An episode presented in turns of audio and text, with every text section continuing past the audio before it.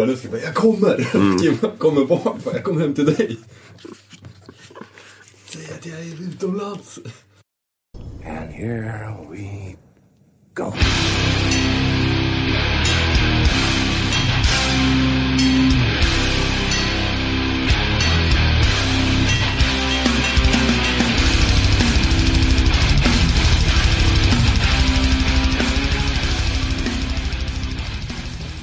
Då rullar bandet. Hej och välkomna till Nere på noll avsnitt 105, tror jag. Eh, vi kommer köra en liten specialare idag. För eh, host Robin är i New York. Så vi ska göra... John Josephs? Ja, jag hörde att han hade, John Josephs. John Joseph. hörde att han hade skickat en video till JJ. Undrar vad det handlade om. Kanske vi får höra när han kommer tillbaka nästa vecka. Eh, idag ska vi snacka om skateboard och vi har gäst med oss i studion. Eh, men vi börjar som vanligt med att gå igenom lite feedback från förra avsnittet och det var ju alltså metalcore specialen vi gjorde med Gabbe. Eh, och, Knappt som det hämtat sig. eh, och så kommer vi ta upp vad som har hänt sen, ja, de se- senaste dagarna här i hardcore-världen. Eh, Första feedbacken kom in på mailen här för ett tag sedan som jag har glömt bort och det knyter ju då återigen an till John Joseph. Eh, vi snackade ju om hans tokiga idéer eh, för något avsnitt sen. Eh, och då skriver den mystiska separatisten. Eh, man kan väl nämna eh, några tokiga grejer som han har, har spridit. Till exempel fluorkonspirationen. Känner ni till den? Eh, och det är ju då att myndigheterna blandar in fluor eh, som är... Ja, ett, det är ju en del i Pr- Prozac. Eh, som ska vara någon sån här nervmedicin typ. Och att det finns i dricksvattnet för att folk ska bli kontrollerade. Liksom. Där man har för i tänder. Ja, precis. Hur, hur kontrollerade hur? Ja. Ja men, att, ja, men att, att folk ska bli bedövade liksom och lättare att manipulera. Ja, ja. Jag vet inte. Visst, Det det låter ju- också blandat i någon typ av beef med svensk black metal-band. Watain. Ja. För att de hade djurdelar på scen. Eh, Så skriver jag även att som, som bevis på det här så hävdade Josef att eh, nazisterna i Auschwitz hade fluor i vattnet. Och eh, ja, då är det ju såklart sant. Sen var jag även inne på chemtrails, alltså flygplansbesprutning med olika substanser, också bra för att kontrollera. Ja, men för kontrollera befolkningen på något sätt. Det låter ju mega rimligt. Eller hur? Och han hade även eh, kommenterat om den ny, New World Order, eller den stora Illuminati-konspirationen. Eh, att det finns då en, någon typ av sammanslutning som går över den, de demokratiskt valda utan att folk eh, sitter och bestämmer över huvudet på folk. Eh, nu verkar han dock ha taggat ner och delar mest saker som berör kost och den amerikanska sjukvården.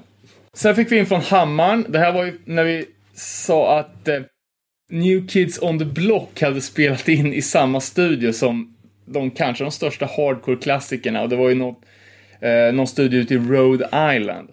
Eh, Hammaren vill minnas att Donny Wahlberg, det är väl eh, den tuffaste i New Kids on the Block, eh, en gång hade en Youth of Today-tröja på sig på något promofoto. Tompa Rens kommenterade då på det här att det var någon i deras management som gillade hardcore och kuppade in Youth of Today-tröjan på... Och han hade ingen aning om Nej. vad det var. Så. Såklart. Eh, och det här hade avhandlats på någon tråd på den gamla Livewire-boarden. Sen var det folk som kommenterade om snart ska vi få reda på om det är American Nightmare eller Give Up the Ghost som är det korrekta namnet. Kanske kommer det någon eh, American Nightmare-relaterad specialare här i Inom kort, och jag kollar på dig David. Eh, sen kommenterades det också på att Killswitch Engage hade lirat på ett Pressurefest. Eh, återigen Hammaren som citerade då Boris. I takt med Christians intag av öl ökade volymen på Killswitch i minibussen. Och alltid med ett Mike, det här gillar du! Innan. Fy så jävla vilken dålig Boris det där var. Gubben, snubben, mannen. Det är östgöte. Ja, han är för fan... Men jag tror jag var med på den här resan. Eh, Hammar Boris skriver var också jävligt att, peppad. att Jag gillar det aldrig, men eh, Boris är kung. Kan inte han få Motala som du David? Kan du dra en Boris-dialekt på Ja. Ja. Tjena, jag pratar så här. samma? Det var exakt det som Danne sa. Eh, sen skrev Therese om eh, att, ja vi hade ju, vi nämnde ju Shai Hulud. Eh, och det här är ju lite Robins specialområde och det är ju tvivelaktig merch. Shai Hulud gjorde ju en Shia Hulud eh, pomada. Det här är fan Integrity också. A profound love for, vad heter det? Pomade. Mark skriver bland annat eh, ett band som alltid glöms men som var direkt följd och syskon till Poison the Well var ju Florida-bandet Red Roses for Blue Lady. Någon som har hört? Nej. Aldrig. Det låter ungefär som man tror att det skulle låta. Eh, folk glömmer just för att trummorna på deras enda album är så ofattbart dåligt spelade. Men däremot är det typ världens bästa sång. Eh, de kombinerar riktig pop-punk-gitarr grejer med metalcore. Älskar skivan. Jag önskar att jag fick tag på datorbandet så att jag skulle kunna spela om trummorna själv. Sen är det återigen då en sån här grej som händer efter att vi har pratat om någonting i podden. Och det var ju då att Killswitch Engage några dagar efter att vi hade spelat in släppte en ny låt då för första gången på många år. Ja, det var det som var i feedback-korgen. David, har du någonting på Hänt i veckan? Lite blandat. Så är det Have Heart. Bilder från deras gig. Ja. Det var helt sinnessjukt. ju. Ja, Alltså det kanske är dags att börja omvärdera Have Heart. För att att, folk där- dör ju för det här bandet. att det var 10 000 pers där. Sjukt. Det är ju riktigt sjukt. Det är helt sinnessjukt. Ja, nej, men det, det är skumt alltså när man, när man står där och, och är den enda som inte fattar grejen. Apropå Have Heart då, det Have Heart-liknande bandet Mill Spec från Kanada ska ju spela i eh, Stockholm. Nästa måndag, va, den 22. Eh, på Hangaren i Skarpnäck. Tillsammans med Existent och eh, nya Västeråsbandet Constant Abuse. Eh, kanske man skulle kunna dra dit och göra någon sorts eh, skate-kombo. Eh, Eftersom de har den Plaza-grejen i Skarpnäck. De ligger ju inte direkt bredvid varandra. Hur stort kan det vara? Skarpnäck? ja. Plassat är stort. Det är stort som fan. Eh, sen såg jag att det eh, pågår en eh, fotoutställning om Freddie Wadling och Cortex i New York. Intressant. Kanske någonting för Robin att kolla ut då. Eh, nya låtar från Year of the Knife som nu har signat på Pure Noise Record. Cross som vanligt och de kör ju på i samma Hate Thousand-stil som tidigare.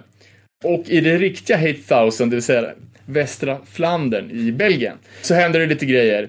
Eh, Liar har eh, annonserat att de ska gigga här för första gången på jävligt länge. I november. Jävligt bra framförhållning. Congress har precis släppt någon fetare typ av box. Och kanske det första Hey Thousand-bandet av alla, Nations on Fire, ute på turné. Nytt även från engelska Payday.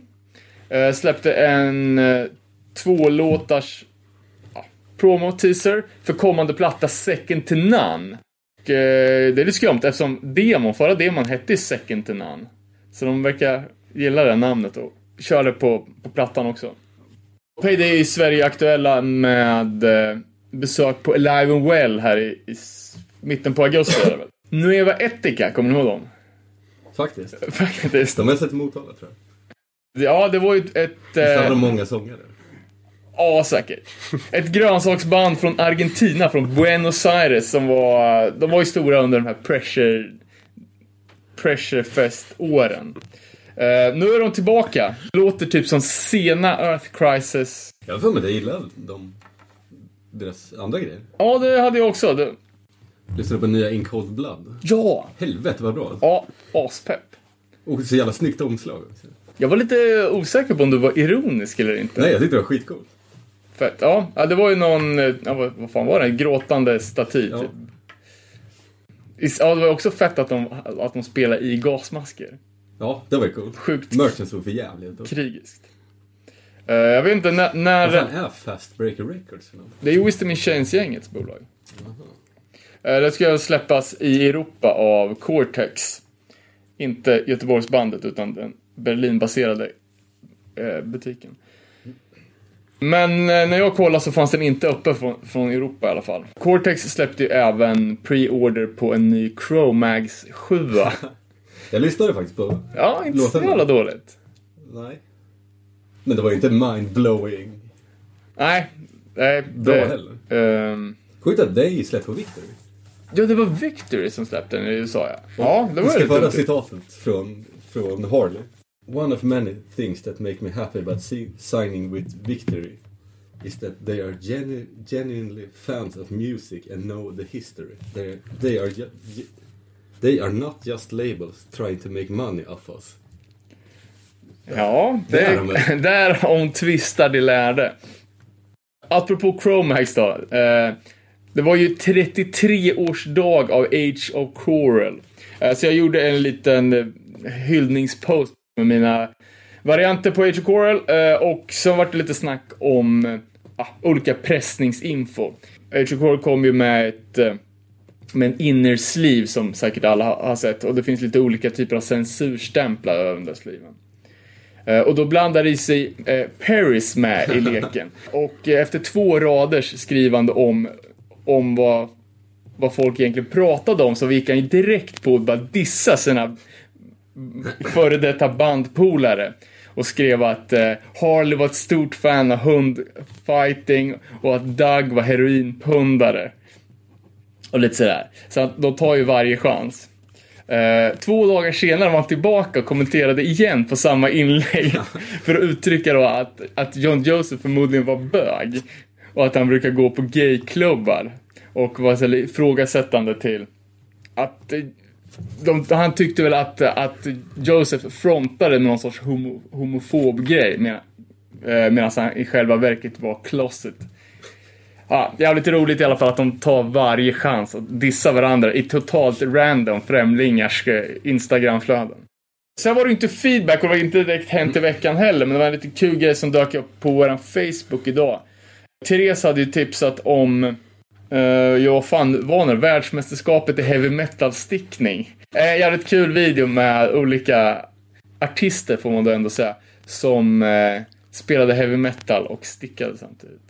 Så att någon annan, jag kommer jag kommer inte ihåg. Ja, Ronny. Kjellback, eh, Att de hade upp. Burst Ronny, hade ju då, eh, länkar ju då upp ett klipp när hans band Pyramid, eller Pyramid kanske, när de deltog inom eh, ko- performancekonst. Och de hade de gjorde fyra stycken spelningar med 40 personer som satt och stickade. Och deras stickor var uppmickade, så det lät från stickorna. Tick, tick, tick, tick, tick. Medan de manglade på där med metal i, i, i eh, emellan. åt. Sjukt bisarr grej, sjukt roligt och skrämma konstbesökarna med lite hård musik. Och innan vi drar igång med dagens huvudtema så ska vi ha presentation av våran gäst här på kontoret. Johan, mest känd som Foppa, Forsberg. Det är korrekt. Välkommen. Tack, tack. Ja, men eh, kortare för de som kanske inte har varit eh, aktiva eller involverade i skateboard-Sverige de senaste 20 år. 20 åren. Eh, vem är du? Vad pysslar du med? Jag är från Örebro. Plåtslagare till vardags, men har även levt och är fortfarande proffs-skateboardåkare. Ja, lite så. Och punkare. Tycker jag själv. Jag Eh, lyssnar i alla fall på punk. Ja, då är det är väl, eh, det är väl ett... Definition. Definition. Och har alltid gjort. Vi ska ju snacka kanske främst om eh, de åren när vi började åka skateboard och fram till nu. Och även lite historia liksom. Eh, Men alltså, för jag har alltid känt mig som en liten outcast i skatescenen för att jag, till skillnad från de allra flesta, har lyssnat på punk och hardcore. Hur, hur har du känt det? Ja, exakt likadant. Det är ju... Hiphop-boomen var ju stor när jag var... började skata. Och. Men vad, vad, vad, säga- vad, vad, vad hittade du först? Skateboarden eller punken? Punken. Utan tvekan. Jag började på samma spår som du, Twisted Sisters och sen eh, gick det därifrån. Jag tror Blink någon gång 93, 94. Ducky var väl det stora. Och sen gled jag in på resten. NoFX, Rancid, NoFX, Rancid, Clash och sen C-Max. Där är jag fortfarande och rullar runt i krustsvängen.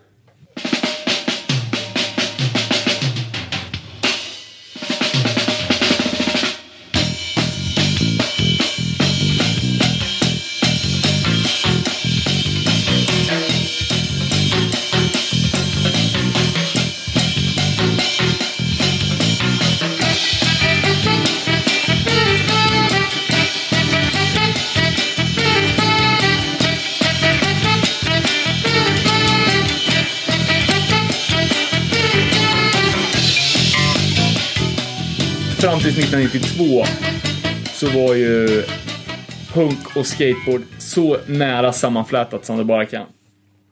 Eh, och nu på senare tiden så är det väl mycket indie, mycket så här, alternativ rock. Men också jävligt blandat. Och emellan där var det mycket hiphop. Jävligt. Mycket hiphop. Men skateboard har gjort som musik i allmänhet. Det utvecklas ju. Det finns ju en miljard delar av skateboard nu. Sant, sant. Sant. Eh, Men någonting som man har, som jag i alla fall har tänkt på på sista tiden nu, i och med att det har kommit så mycket podcasts och folk blir intervjuade liksom i längre sammanhang när de verkligen berättar om sin, ja men hur de kom in på grejet. Nästan alla från, eh, ja men från hardcoreband som, som man, eh, både som man gillar och inte gillar. Men att alla säger att de typ kom in på, på musik via skateboard, eller tvärtom. Så det är extremt Jag tror det stor- är jättevanligt också. Om ni kollar på The Nine Club, videopodden till exempel. Ja, Där är det ju nästan uteslutande genom punk. ja men typ. Men ska vi börja hur vi kom in på skate då? Ja. Du som helst får börja. Ja, jag gissar att jag började skata först. Eh, Det är ju lite, lite, lite otippat egentligen. Jag började skata 92 och det var ju när skateboard, alltså, Då var du... då var jag 12. Eh, Och då var skateboard jävligt dött. Alltså det var ju precis efter att den här 80, slutet på 80-talsboomen, eh, när skateboard var liksom en fluga, att det hade försvunnit och helt plötsligt vart det jävla ute att åka skateboard. Var det breda skates 80, 92? Eh, ja, jag körde först på en Taiwan-bräda som, som det hette med plasthjul och då, det var ju liksom en, en klassisk old school 80-tals eh, värsting med, med rails och puck och hela räcket. Men då är du åka ner för backen. Ja, precis. Eh, jag och min, min polare började spela basket och den här jävla basketkorgen stod ju så här strategiskt i en nedförsbacke. Så varje gång vi missade korgen så rullade ju bolljäveln iväg. Så som de, som de smarta kidsen vi var så tog vi med oss skateboard där. Och så kunde man rulla ner för backen och hämta bollen. Till slut så blev det liksom roligare att rulla ner för backen och hämta bollen än att skjuta. Och då började vi liksom försöka skata. Kände ingen, ingen annan som skejtade. Hade typ, alltså, det fanns inte. Uh, men jag började liksom harva på där. Jag, jag var mer peppad än, än min polare. Så det blev liksom att jag började skejta själv. Jag har kört, alltså jag vet inte fan, kanske kört hela, hela sommaren och kände att jag, fan, jag måste skejta på vintern också. Uh, så jag tror, en eller ett par vintrar så skejtade jag själv varje dag i Vivalla-garaget. Uh, eh, så gick ner dit och ja, men lite typ, tränade sig på slappy nose slides och lärde mig kickflip och de grejerna. Hur gammal var du då? Ja, men det kanske var 13-14. Men då måste du ändå ha sett det någonstans. Åh, jag vet inte. Du tänker inte en kickflip? Nej, det är klart. sett Nej, det hade man väl kanske hört. Och det fanns ju några äldre, alltså den Vivalla Lundby-generationen skatare som fortfarande körde. Typ Tjompa, Thomas Olsson Ja. och lite sådana där. Som, eh, som fanns i området. Liksom. Steel Ripping, Tjompa. Ja, så grym som fan. Eh, och alltså fan många av de där snubbarna var ju ganska, ganska råa liksom. Det gick några rykten om att de hade gjort inbrott på Intersport för att och snodde skates. Det är väl preskriberat nu kanske. Eh, men det var, eh, det fanns i alla fall ett fåtal liksom. Och vad heter han? Ali Rumaji kan han heta det. En annan eh, Vivalla skater som också var pissgrym. Och man gjorde så här heelflip ner för en 60 trappa i cowboy boots. Jävlar vad hårt. Eh, så det fanns li- lite folk. Eh, men jag hade liksom aldrig skatat på no- no- några byggda grejer.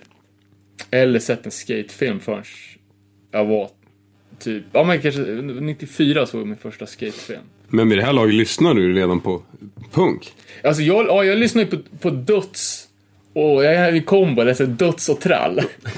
Ja, Twisted Sisters. Ja, men ja, är lyssnade på heavy metal som barn. Ja. Eh, men sen också började man höra liksom att det fanns så, så här, skate-musik. Teddy Bears var ju ett av de första, första banden som jag hörde benämnas som skate-musik. Eh, det var ju på den You Are Teddy Bears eh, plattan som kom med pentagrammet. Sen var det ju också en, en, en kompis som hade lite hade lite bättre koll som tipsade om bandet Millencolin. Jag, det fan, jag, jag trodde att de var finska av någon anledning. Millencolin. Eh, och samma, så jag hörde också snackas om att ah, men Pegboy, det är riktig skatemusik.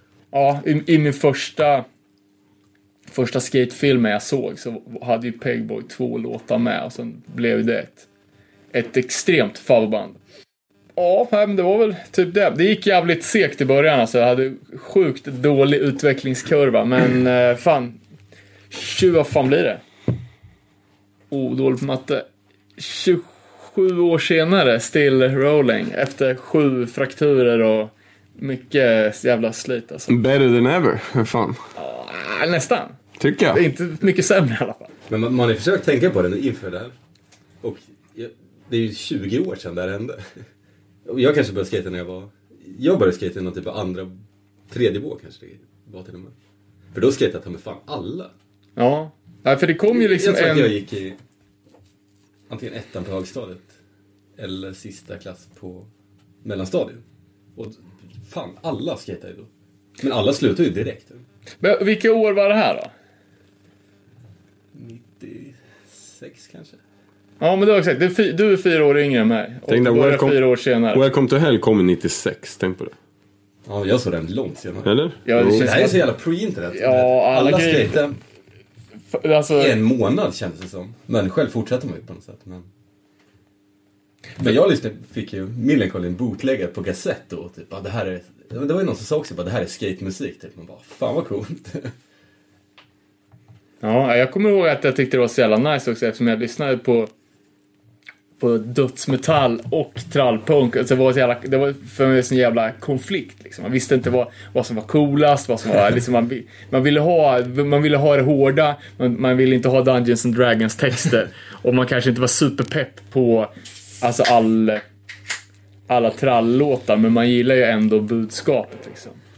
Och sen när det kommer musik som dels förenar typ lite hårdare riff, lite hårdare punk med vettiga texter och sen att det var skatemusik. Det är liksom så jävla...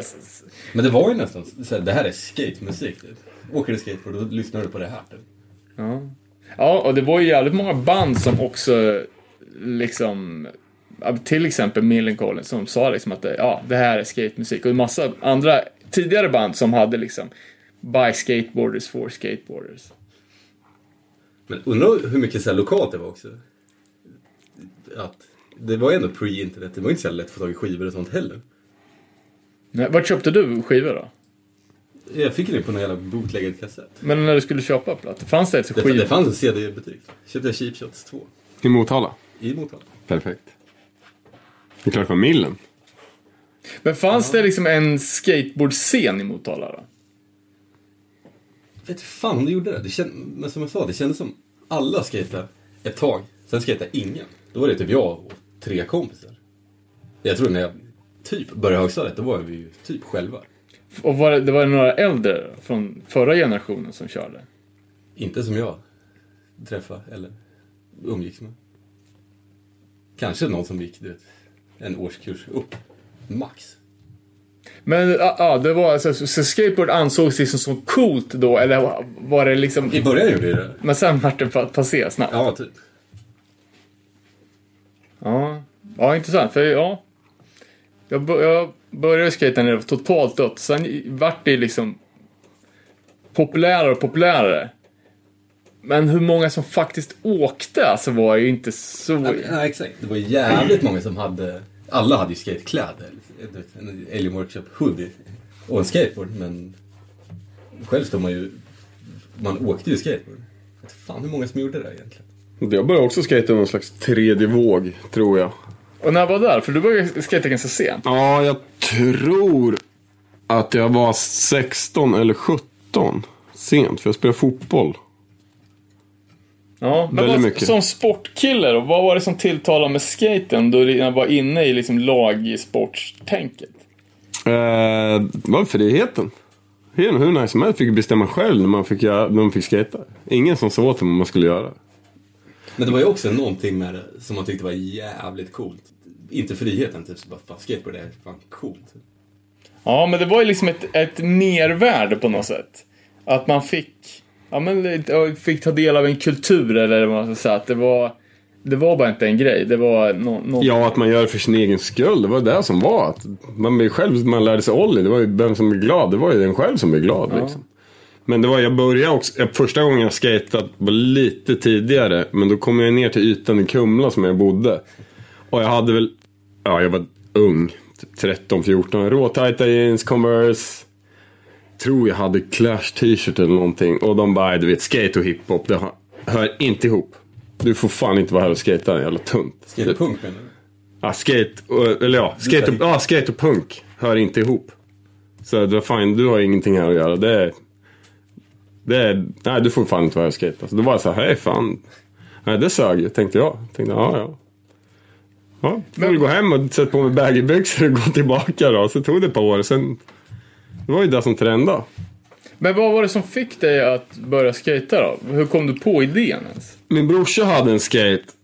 Och så tog jag ju den. Han är ju några år äldre, sex år äldre. Så tog jag ju den, tog skate, jag tror jag glömde kvar den. Och han höll på att tjata att jag var skyldig honom en skate och skit. Och sen gick det några år, fick jag köpa en begagnad. Blank B52-truckar, du vet. Och provåkte jag och sen, jag tror andra gången jag åkte så var jag så här, lärde mig ollie direkt. Jag Fan, tänkte, fan det gick fort. Det här, det här vill jag fortsätta med. Fan, jag ska bara berätta om min första riktiga skate också. Det var ju ett riktigt jävla klipp. Eh, Då hade jag hö- hört att en polares lillebrorsa hade en skate. Eh, Som jag antar att han har köpt begagnad av någon. Och då höll jag på att hassla med honom, eller så här, förhandla liksom. Det var, ingen, det var inte så att jag fick det blåsa, men då slutade det på att jag skulle få köpa den här kompletta brädan som ändå var någon typ av pro-bräda liksom. Jävligt små hjul, typ Everslick som var lite knäckt så här, men det var ändå en riktig bräda. Och bara, ja, 40 spänn ska jag ha för den här. Och sen slutade de med att jag tradade mot en Metallica-affisch. Men det var så här, Jag köpte min för 250. ja det är också Komplett. Sjukt, sjukt billigt. Ja, det var, det var guld var det. Fan, Everslick det har man inte tänkt på Nej, länge. det dog inte rätt fort. Det var väl att det var något så glansigt under så man kunde slida svinbra eller något Ja. va? Eller hur? Visst var det så? Och grafiken skulle Vi trodde, hålla. ja, Ja, just det var det. där vi trodde att Ja. grafiken håller. Det var viktigt. Vägde ett ton typ. Men i början så ville man inte ens göra boardslide för att man, det var enda tricket man kunde för man ville inte slita ut grafiken. Men du sa att du lärde dig Ollie typ nästan direkt. ja, För jag kommer ihåg, eh, jag tror jag hade sett varandra eh, någon gång. Men så, så var vi på något skateställe i Kumla, en fyra-stegstrappa. ja. Och det bara, ah, så här, bara, ah, fan jag har gjort det här, frontside flip och backside flip och, ja och varial flip då, men det är inget riktigt trick. Så. och så bara, Det är det fortfarande inte. så bara, ah, fan han börjar bli rätt vass den här grabben.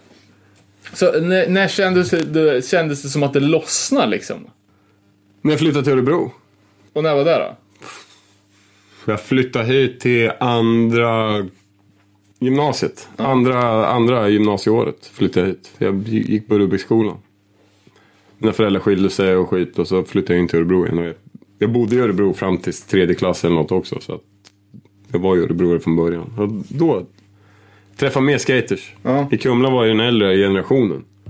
Abbe, Pena, Jens Karlsson. De där. Och sen kom man in till Örebro så var det massor som skatade. Det var Som var Ja, yngre liksom? ja, tredje vågen. Ja. Det var ju Som mycket... var bra eller? Ja, som var rikt, riktigt bra liksom. Det var alla. Ja, Danne, alla Örebro Locals, Erik Olofsson och Martin och André såklart. Ja, det, var, det var nog där det lossnade. För då hade man skatat med folk som var bättre. Det är det enda sättet man blir bättre på. Såklart.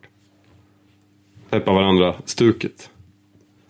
Så det var väl där någonstans. När kan det ha varit? Runt 99, 2000 ish. Ja. För sen blev jag sponsrad där 2002, 2003. Och vem blev du sponsrad av då? Alice. Danskt eh, brädmärke, eller klädmärke från början? Danskt klädmärke från början faktiskt. Härstammar från Christiania va? Tror jag. Ali står ju för Albert och Isabella.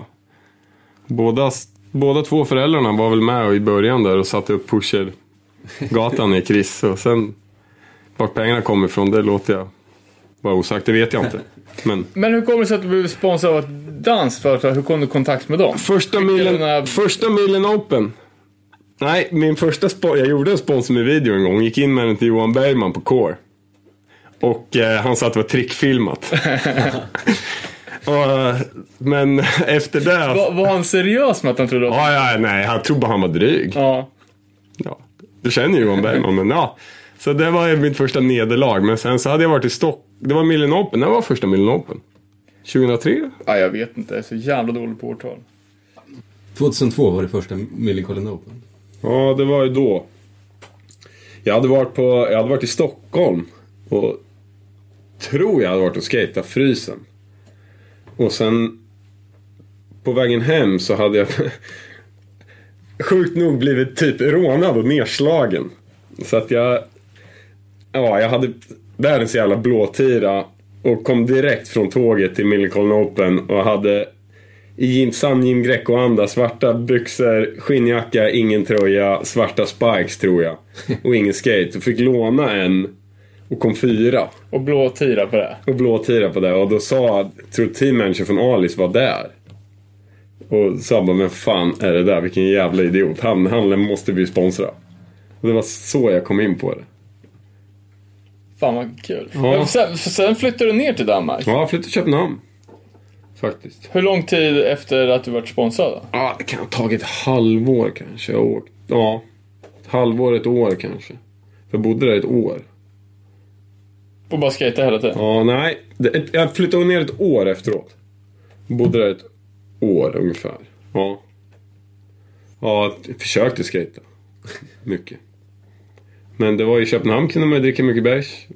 Racka gräs och sånt. Så det var väl till första delen det första jag gjorde. Men sen så var med på någon, var med på VM där. Så var, jag tror jag kom två eller tre i best trick på VM och då och kom tolva i själva tävlingen och då blev jag uppbokad av Vans också. Samtidigt, i samma veva då. Ja, det, det var så det började med sp- sponsring. Och sen fick du en eh, pro model på Alex. Ja, det fick jag faktiskt. Och det här är ju alltså på en tid, alltså nu har ju nästan alla som har stått på en skateboard sitt namn på en bräda. Men på den här tiden det fanns ju knappt några svenska märken. Och alltså, Förutom Ali Bolala. ja, inte som det Nej. var år senare. Förutom Ali Bolala och Pontus Alv just då så tror jag att jag var en av de enda få svenskarna som hade en promodel utanför Sverige. På internationella marknaden. Kan, kan, Mattias Ringström. Mattias Ringström kan- hade jag också. Vad skejtade han för då? Det var efter Evil. Ja, jag vet inte. Jag minns inte vad han skejtade för. World känns- kanske? Det känns som att han borde ha varit pro. Ja, men det var han. Fan, han bodde väl i USA då? Men det var ju alltså en handfull i alla fall. Ja, det var det. Ja, det var ju coolt. De gjorde flera tusen och alla sålde slut. Det var riktigt ball. Det här, jag bodde i Christiania. Första tiden. Och hur gammal var du då? Jag- 20 något. Ja, okej, ja. Och sen eh, bodde jag mitt på Nyhavn. En kille som heter Hongkong Hans. Hans farsa ägde sex byggnader. Han var VD för Maersk. Den jävla shipping company. Okej. Maersk Air eller vad det heter. Och så fick jag bo där gratis i ett halvår eller någonting.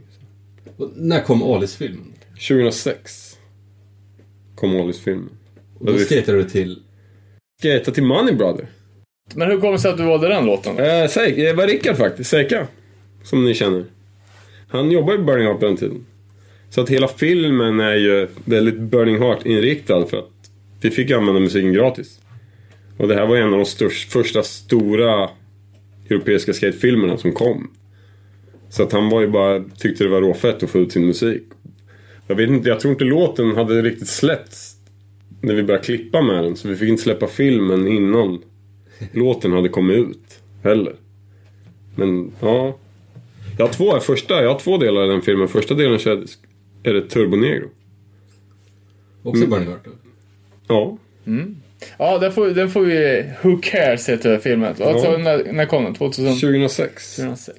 Ja, det borde vi länka upp här så man kolla. Den är ju jävligt grym alltså. Vad är, vad är det trick som du är mest nöjd med i den filmen då? Ja, den första slammen när jag bröt nacken nästan. Jag säger this one och sen så bryter jag nacken. Det är väl inte supernice. Det var väl det jag är mest nöjd med, för det ser roligt ut. Kan jag tycka. Men ändå, fan. Jag har mycket visors på mig i den filmen också. Och en populär mode Det var en den populär mode var det. Men om man ska ta tillbaka till musik så är det ju jävla effektivt att ha musik i skatefilmer. Ja, ja, ja. Absolut. Speciellt på, den, speciellt på den tiden. Ja, för det är, det är väldigt många låtar. Alltså jag är ganska likriktad i min musiksmak. Men av de eh, liksom, som inte punk, hardcore, metal eller kanske hiphop. De enda klassiska rocklåtarna typ som jag kan är ju de som har varit med i skatefilmer. Det mest ikoniska måste väl vara Welcome to Hell, eh, Jamie Thomas. Hello be the name, sista delen. Ja, ja exakt. Det är, ja, det är så jävla många låtar som man, liksom, även om man inte gillar låten från början, så måste man kolla videodelen för att den är så jävla grym. Ja. Och sen till slut så sitter man där och bara älskar Primus för att Per Duffy var grym liksom. Eller Children of Bodom och kolla på Dustin Dolly när han skejtar till finsk metal. The hippies, they hate us. We take their checks. They beat us up. There's no debts. Death.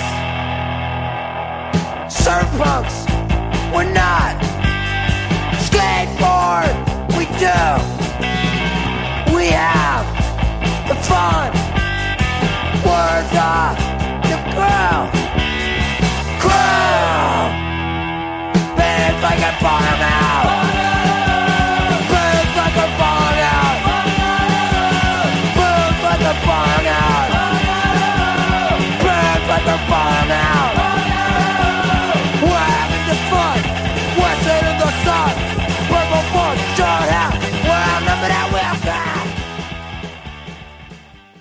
Så att, att du åkte för Vans ju. Men i filmen har du ju fan America-skor ju.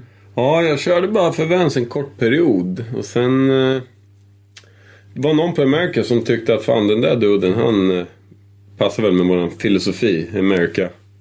Med Reynolds och Ellington och... För de som inte vet vilka det är, så det är ju, var ju lite, det är väl legender nu i skatevärlden i alla fall. lite, men det var ju också lite punkigt. Ja, det var, de hade en väldigt punkig aura.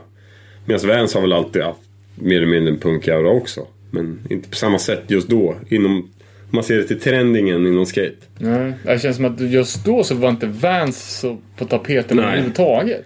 America var ju supertrendigt för punkskatare.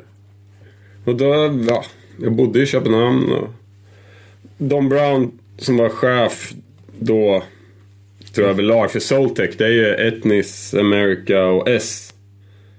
Det är ju samma, det är ju någon, jag tror han är från Schweiz eller någonting som äger alltihopa. Han, man hade väl sett mig och bara fan, han där anpassar bra in i vår filosofi. Sen hade de åkt till Köpenhamn och sen fan nu ska vi göra en intervju med dig till Kimpin hette det då. Det var väl Europas enda och skate-tidning. Men så han vi ska synas, vi syns här imorgon klockan 12. Så fotar vi lite. Jag hade sagt några spots jag kunde tänka mig att fota på. Så. Sen ringer de vid, ja, kan det vara vid fyra. Ja, vart är ni? Ja men vi är i lägenheten, vi är på väg. Bodde ihop med en annan från Alis då, Petter Horvat från Tjeckien. Och sen var klockan sex på kvällen. Så, ja, vart är ni? Ja, Nej, vi fastnar. Vi, vi får ta det imorgon. Jag, jag är lite sjuk. Nästa dag så ringer de och sa vi ska ses klockan tio. Ja, absolut. Det är svinbra. Sen är klockan tre. Då ringer min teammanager. Du, vad fan gör ni? Ja, vi kollar på Up in Smoke Tour med Dr Dre och Eminem och röker en blunt. Då sa han, ja, om ni inte är här på spotten inom 20 minuter då får du sparken. Så det var bara att sätta på cykeln och åka dit. Skata 11 stegs rail, första jag gjorde. Nu bröt handen och sen blev jag sponsrad av dem för de tyckte det var ganska rått. Ja, sen var jag sponsrad av dem väldigt länge. Som, ja, inkomstkälla så att säga. Ja. Eh, Jävligt slanigt. Men man var ju ung. Eh, har du några roliga turnéminnen från eh, Amerika-tiden då? Ja, Rumänien var, ganska sjukt. Man gjorde typ tre, fyra tours om året med hela teamet. Och så åkte vi till Rumänien. Och så var det någons födelsedag. Ute på krogen. Alla skulle gå hem. Nej, jag stannar. Jag träffar några locals. Fan vad fett. Jag stannar kvar. Jag hittar du hem? Ja, ja, för fan. Jag är världens bästa lokalsinne. Men det slås ju ut när jag är full. Så jag, vid typ fyra börjar jag gå hem och så går jag in i en gränd. Och det är så klassiskt på film. Ingång på ena sidan, utgång på andra sidan. Två meter brett. Går jag på ena sidan så kommer det bara tre, dude, tre dudes mot mig. Och så vänder jag mig om, då kommer det tre dudes från andra hållet. Och så bara helvete. Så jag bara ändrar fram en klassisk stilett. Och bara, får vi allt du har på dig? Så. De fick strippa av mig helt naken utom kallingar och skorna som var det dyraste jag hade på mig för de var helt nya skateskor. Och så tog de alla mina kläder, allt jag hade, mitt pass, allting och sen drog de därifrån. Det var väl mitt mest gnarly jag har varit med om tror jag. Uh, ska vi ta det från början då? Skate och eh, punk. Vad, vad har vi? Skatermusik. Ja, nej, men det känns ju spontant som eh, Suicidal Tendencies Dogtown-koppling är tidig. Eh, jag vet ju, det var ju eh, Mike Muirs brorsa, Jim Muir, eh, var ju en del av Dogtown-teamet, eller crewet. Det var väl även han som gjorde det klassiska Dogtown-kors-logon. Eh, det var ju redan 76. Men det- Jag, jag läste något sånt. Skateboard kom väl typ 50-talet. Ja, det Men, beror... men då var det ju mer glatt. Surf, surfigt på något sätt. Ja, vi såg ju lite sköna klipp där från, från 50-60-talet när de körde lite ballerina-slalom i Banks. Ja men, ja, men exakt. Men då var det inte så mycket punk.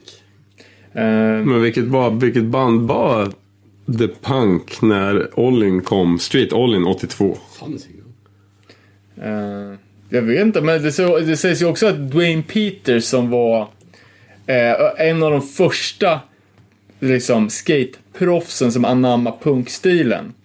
Eh, någon gång där, eh, slutet på 70-talet, början på 80-talet. Eh, och han körde ju liksom full-blown pistols-mundering Ja. komplett med svastika. Eh, och de suicidal-folket nere på Ven- Venice Beach, de hade ju sin egen sin egen eh, liksom approach till, till det, punk. det här var ju lite mer... Om skateboard först var lite kanske... Surfigt. leksak för rika. Det här var ju fan... Det var väl inte, det var väl leksak för surfare som ville ha något att göra när det inte var någon vågor eller? Ja men just den där Dogtown-grejen, då, det var ju... Ja, jo. Vad fan säger man? Fattiga street kids typ. Och då, då kom ju punken också. Liksom. Ja, lite så. Jag såg jävligt eh, kul på Mike Muirs i eh, Wikipedia-sida att han gick en celebrity boxing match mot, om ni kommer ihåg han, clownskatern Simon Woodstock. Vad fan skejtade skejtade han för Acme? Jag minns inte vad han skejtade för. Eh, vad Vans tror jag. Eh, han blev väl senare utköpt av eh, som har World Industries. Ja, Mike. Ja, Steve, Ja, Rock, Steve Rock. Steve Rocco betalar ju Simon Woodstock för att försvinna från skateboarding för att han drog som pajas-stämpel. Eh, Men tydligen så, så vann ju Simon Woodstock boxningsmatchen. Lite otippat faktiskt. Men he, ja, hela den Dogtown-grejen. Jay Adams var ju också en typ av punkare. Ja. För i filmen går han ju på en Black Flag-spelning. Det gör han. Men det är ju också inte något i dokumentären som är med. Vilket är det man borde se. Dogtown-dokumentären. Ja. För i filmen gör de ju Ollie typ 70-talet någon gång och det är ju inte med i dokumentären för Ollie var ju inte uppfunnen då på street. Eh, Jag kommer inte ihåg, hur fan, hur fan var den? Eh, Kom det en bok som det sen gjordes en dokumentär på? Ja. Och sen gjordes det en... En Hollywoodfilm, typ en produktion, någon, någon slags Ja, Hollywoodproduktion. Med typ Heath Ledger tror jag va, var med. Och spelar Jay Adams. Ja, jag kommer fan inte ihåg. Han Nej, hoppar... nej, nej, nej. Det är han i Into the Wild som är Det- Jay Adams. The... James Franco. Nej. M. M. Hirsch någonting heter han. Whatever. Han hoppar ut från sitt fönster, slänger ner brädan och gör en ollie typ upp för trottoarkanten eller någonting. Och när jag såg det tänkte jag bara, fan den var inte uppfunnen då. Och I filmen är det Rise Against som är Black Flag. Ja, exakt. För ollien uppfanns ju 79 i ramp. Eh, men det är svårt, alltså ju- just den här tiden. Eh, eh, det, det ser man ju från, från dokumentären liksom att skateboard börjar gå från, alltså de andra teamen hade ju liksom matchande overaller och såna grejer medan Dogtown-gänget kom in med, ja men liksom Punkattityd. punkattityd Ja. och den liksom klädstilen och det var någonstans där som det Kanske inte alla heller, för det är ju typ... Det är ju typ... Vissa av dem var ju så. Ja, men där har man ju den röda tråden, punk och skate. Ja. Gör din egen jävla grej och sen skit i resten. Ja, för det finns ju jävligt många liksom, ingredienser som är, alltså själva mentaliteten. Eh, Just att det är att det är väldigt individualistiskt. Samma, samtidigt som det finns ett, liksom ett, ett kollektivt tänkande. Att man har en scen liksom. Och att man connectar mellan olika, ja men, man känner folk i olika städer. Och så vidare. Och likadant DIY-tänket. Eh, startar egna brädmärken eller man gör egna skatespots och gjuter skit. Och, eller, eller som vi gjorde, snickra liksom, ruttna skategrejer i, i trä. Liksom, att man, det är kreativt. Ja, du har ju en ramp i sommarstugan. Den mår inte så jävla bra nu alltså. Fan. Den har aldrig mått bra. Skitbra. Eh, Men det fanns ju ganska många av den första generationens uh, proffsskater som höll på med, med musik och spela punk. Och en av de mest kända är väl Steve Caballero. Eh, som, eh, han har varit proffs för Powell sedan 1979. Och, Men han har ju gått igenom alla faser också. Den här surf... ja men han har också en av de mest... Hawaii-skjorta-fasen till... Till punk. typ. Och han har också en av de mest sålda skateskorna genom tiderna. Och vilken är det? Det är ju Half Cab från Vans. Aha, just det. Efter tricket han uppfann som hette Half Cab Ollie. Ja, eller Cab till och med. Exakt. Som var eh, alltså en fakey backside 360. Fake it... Nej. En fake it backside 180 va? Nej. En half cab. Som Ja, hans sko ja, heter. Ja, ja, hans sko exakt. heter ju half cab. Ja, men trycket är ju... Caballero. Ja, Så är det exakt. Caballerial. Det är en full 360. Och skon heter half cab. Så är det. Och bandet som fanns mellan 82 och 85 heter The Faction. Eh, mest kända låten är väl Skate and Destroy. Ja, den är... Eh, men de släppte ju tre Tre fullängder och två singlar då och lite mer jox efter det. Så ska vi dra en liten rolig skröna om Skate and Destroy? Eller? Ja, absolut. Vi sitter och tittar på en signerad cabbräda. Som du och jag fick signerade. Ja, Och du ville att han skulle skriva Skate and Destroy. Men han skrev något om Jesus.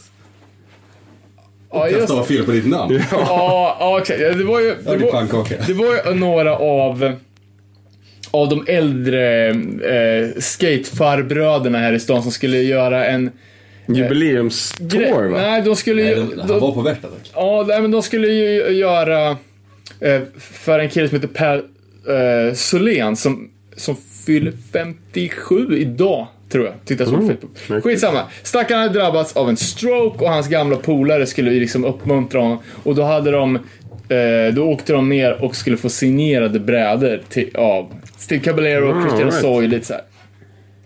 Eh, och då var de eh, och köpte brädor av eh, mig på mitt jobb. Eh, och så bara, vad fan skulle ni inte kunna få en, en signerad till mig också? Och till mig. Eh, ja, absolut. Eh, då, skriv så här då. Eh, typ. Eh, skate and destroy. Typ. Från låten så vill jag koppla ihop liksom med, ja, men med musiken med skaten. Sen kom den tillbaka. Då var den ju först signerad av, av eh, Christian Soy också. Inget fel med det, liksom, det är en legend, men det är fan fel person på fel bräda. Eh, och Christian Hosoi är ju någon sorts eh, superpastor nu. Så han hade ju dragit något bibelcitat. Eh, Steve Caballero hade ju visserligen signat brädan, det var ju skitklint, men han hade inte skrivit Danne, utan han skrivit Dana. och istället för Skate and Destroy så var det typ Skate for fun. Så det var så lite tudelat. Ja, skitfett, men ändå inte skitfett. En annan grej då, som Steve Caballero har uppfunnit är ju jävligt väl gjort trick och det är från så här boardslide. Ja. Det är så sjukt att tänka att någon, in, eller att någon uppfinner Ja men du vet, de allra mest basic grejerna liksom. Eh, och han var ju liksom mästaren på boardslides och är ju typ fortfarande. Eh, skejtar mest vert och pool. Men han kan ju liksom dra fan nästan ett varv i poolen i boardslide. Sitter i gamnacken. Ja, fan, jag såg det. Han har ju skolios. Ja. Så därför hans, hans nacke alltid är sned. Så från väldigt, väldigt tidig ålder. Ja, född med det. Och han, han var ju en, en del av eh, det legendariska populära teamet Bones Brigade. Eh, och hade ju också världens högsta air under många, många år. Det tog Ringström någon gång va? Jag vet inte. Jag har för mig det. Ja. Eller Jocke Olsson. Ja, Jocke Olsson. Det är en annan svensk värtlegendar. Eh, ja. Vad tycker ni om Faction? Jag tycker det är svinbra. Ja, jag tycker också det är bra. Eh, tyvärr är ju skivorna svindyra. Det är 1500 spänn styck. Så jag äger ingen av dem. Eh, men alltså, ja. Vissa låtar är ju bättre än andra, men överlag tycker jag det är ett jävligt coolt band. Och det var ju många av de andra som också framstående skatare. Det var ju eh, Gavin O'Brien, eh, en av i brödraparet Kevin och eh, Gavin O'Brien. Tror jag var någon sorts eh, värtproffs. Ja, det var de, men det var länge sedan. Ja, ja men det, det är ju Ja. runt 80, Exakt. 82 där. Eh, som sjöng. Sen var ju trummisen eh, som spelar på ehm, på, på eh, den andra plattan som jag inte kommer ihåg vad fan heter. Eh, han har ju uppfunnit ett, ett eh, trick som heter The Bosch. Extremt gnarligt trick. Känn, Det föreställ är det här. ingen som gör det här tricket längre. Eh, Eller- Aldrig talas om. han, gör alltså handplant to blunt. Ja. Åh jävlar. Och Tänk- står det en bland? Ja, Ja. Tänk att göra en handplant och sen ska Ja, du göra en exakt. blunt fakie.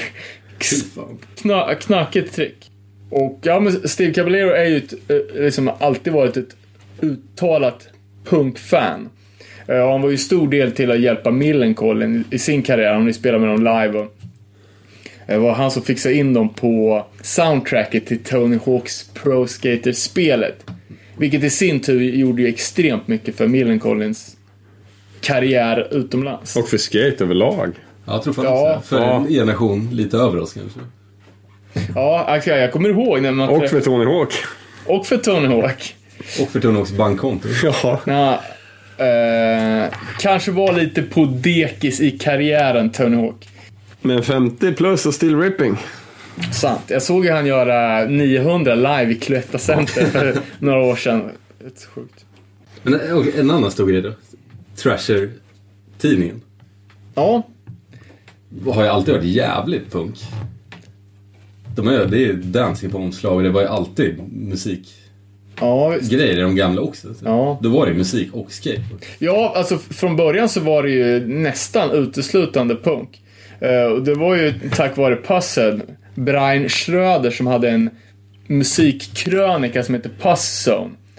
Eh, under, jag, fan, det var lite svårt att och, eh, hitta exakta siffror, men jag tror från 84 till 1990 så skrev han om musik några sidor i varje nummer av Thrasher.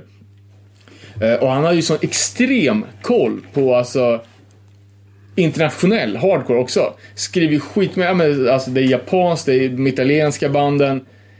Och, eh, ja, exakt, ja, han gjorde ju omslag till, till massa band. Och skategrafiker till Sorlac typ. Ja. Eh, och han lyfte även fram eh, massa svenska band. Bara eh, snabb skum, alltså så, så här, skrev Brutal Personal, Existens, Crude SS och även Gävlebandet Slam. Och, eh, vi har ju snackat om Slam förut, det var ju när vi pratade skatepunk. Bandet från Gävle som fick med en låt på Thrashers eh, första samlingskomp är det väl? Det är, Eh. nummer, det är nummer tre tror jag. Ja, det är just det. Det är den första som kom ut på vinyl. De Ja. andra var ju bara på kassett. Wild Riders of Boards, där de även har titelspåret. Och eh, vi har ju skickat iväg några frågor till, till Slam, så jag tänkte jag skulle ta och eh, läsa upp intervjun.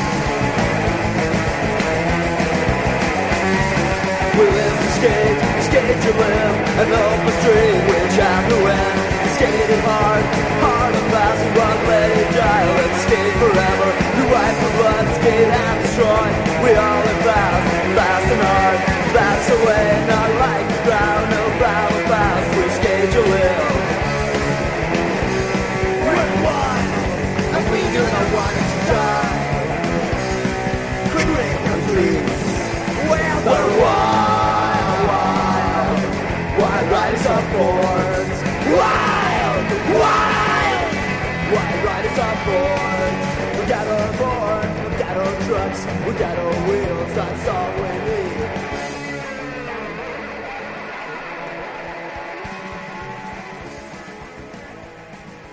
Då kör vi Slam-intervjun och vi gör det Jeopardy-style. Alltså, jag ställer frågorna och du läser svaren. Jag Eh. läser svaren, men det är Tony Jansson som spelar trummor i Slam. Så. Just det. Eh, Grym skateboardåkare än idag. En av Europas största vettprofiler en gång i tiden va? Skulle jag vilja påstå.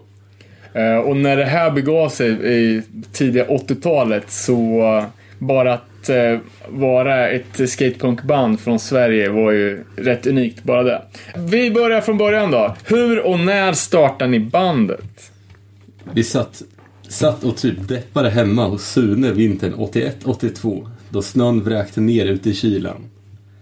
Fem månader utan skate var jobbigt. Let's start a band.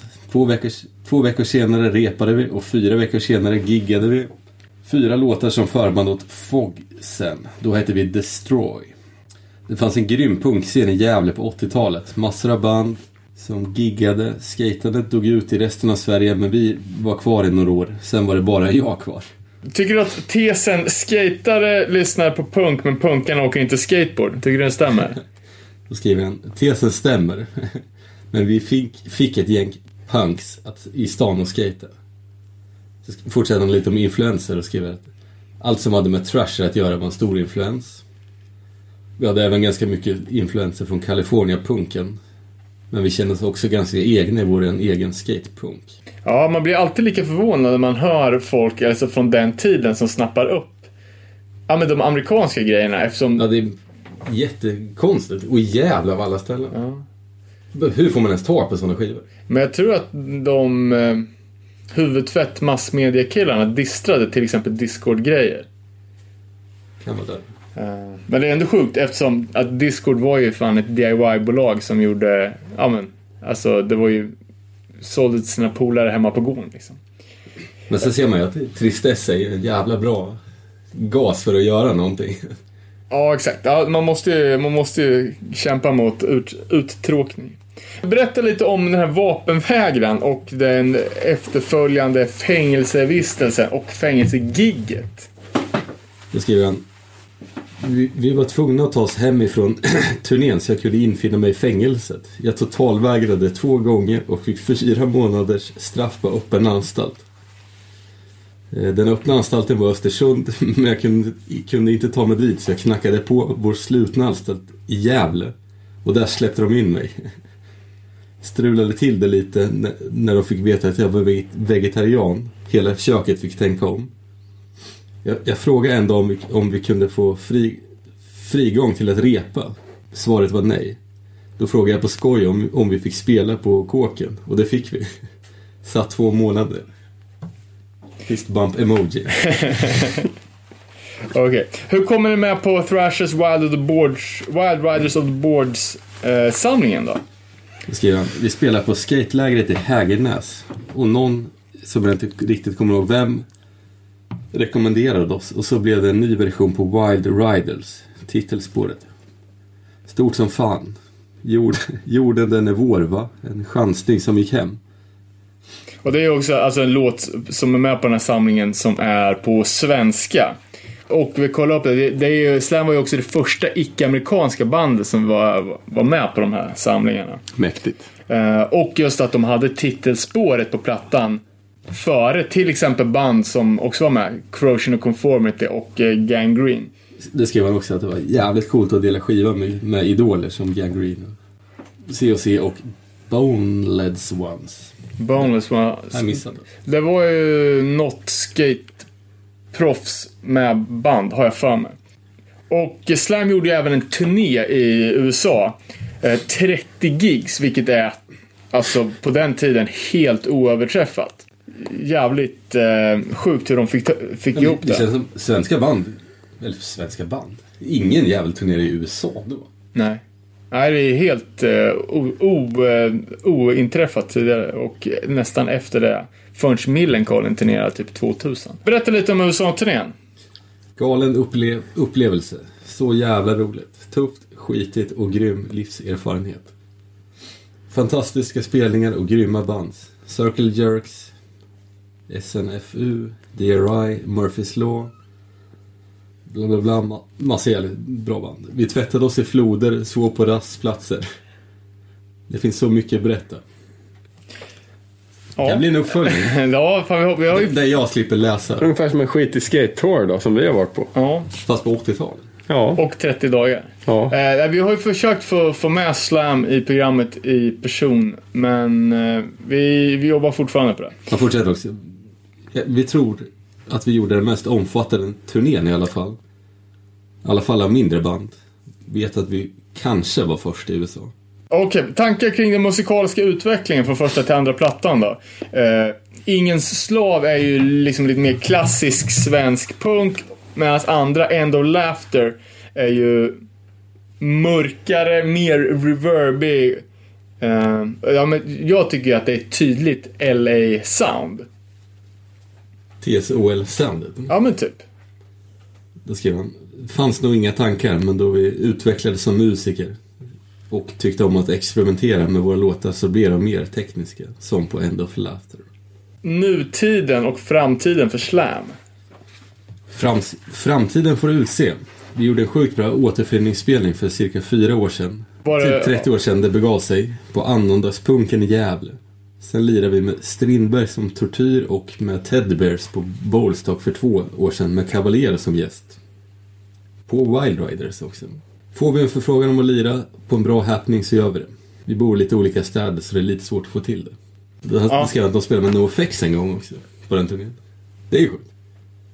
Jävligt tidigt. Ja, i NoFX-karriären. En av de största namnen inom skateboard som förknippas med punk måste ju ändå vara Dwayne Peters. Som har varit med från början och han har ju uppfunnit en jävla massa trick. Vi kom fram till acid-droppen. Ett riktigt signum för, för Dwayne Peters. Det är ju när man åker på platån och liksom bara rullar in. I en bowl, pool eller i miniramp. Ganska gnarlig. Eh, ja, om man gör det i pooler så är det ju totalt vidrigt och livsfarligt. Och Disastern. Eh, disastern, alltså man fake jolly till lip kan man väl säga. Och det är ju ett trick som, alltså, det går inte att åka miniramp en, en line utan att, klämma in en disaster. Liksom. Nej, en rock to fake är ju i princip en disaster. Ish. Ja, om man, gör, om man eh, kommer baklänges. Ja, exakt. Eh, sen har jag även gjort, eh, uppfunnit laybacken eh, och sweepern. Ett skateboardtrick som är ganska svårt att förklara med ord, men jag sa ju kolla på skateboard-SM gick ju på TV här och då var det ju eh, damernas minirampsfinal. Där gjorde alla tjejer eh, sweeper i alla sina åk. Så att det är ju verkligen trick som fortfarande liksom är, är aktuella. Eh, han har ju även uppfunnit in the air. Vilket är en typ en backside air med, med grab. Liksom. Om det är en backside indie. Eh, ja, det var ju det från början. Sen blev det ju, Ah. sen, sen började folk göra frontside också. Men jag tror inte det gick att- flyga frontside knappt på den här tiden. Ja, kanske inte. Eh, vet du vad? Men Dwayne Peters, Men förutom alla skate-trick han uppfunnit har han ju också spelat punkband. ja, han har spelat jävligt mycket punkband och eh, framförallt ganska sent i, i, i livet. Han var ju liksom skater från, från 70-tals... Eh, Han var pro ganska länge. Ja. Uh, från 70-talet, men började framförallt spela i band på 90-talet. Och eh, hans kändaste band är väl US Bombs. Som även har spelat här i Örebro. Ja, de har jag sett dem ett par gånger. Eller, jag såg ju även US Bombs, de spelade på Unity Tour i Linköping också med Agnostic Front och Nöjesvikten. Uh, då hade ju Dwayne Peters fått kicken, så han var inte med. Han är ju liksom ja, hans smeknamn är ju Master of Disaster. Han är ju en en jävla loose cannon får man ju säga, minst sagt. Men US Bombs är ett svinbra band, de har ju släppt hur mycket grejer som helst. Melodiös amerikansk punk med så här hook-refränger och... Ja, men jag tycker det är ett, ett grymt band. Vad fan heter den Dwayne Peters-dokumentären? Eh, Who Cares va? Who cares? är ju värd att kolla in. Faktiskt. Är jävligt cool.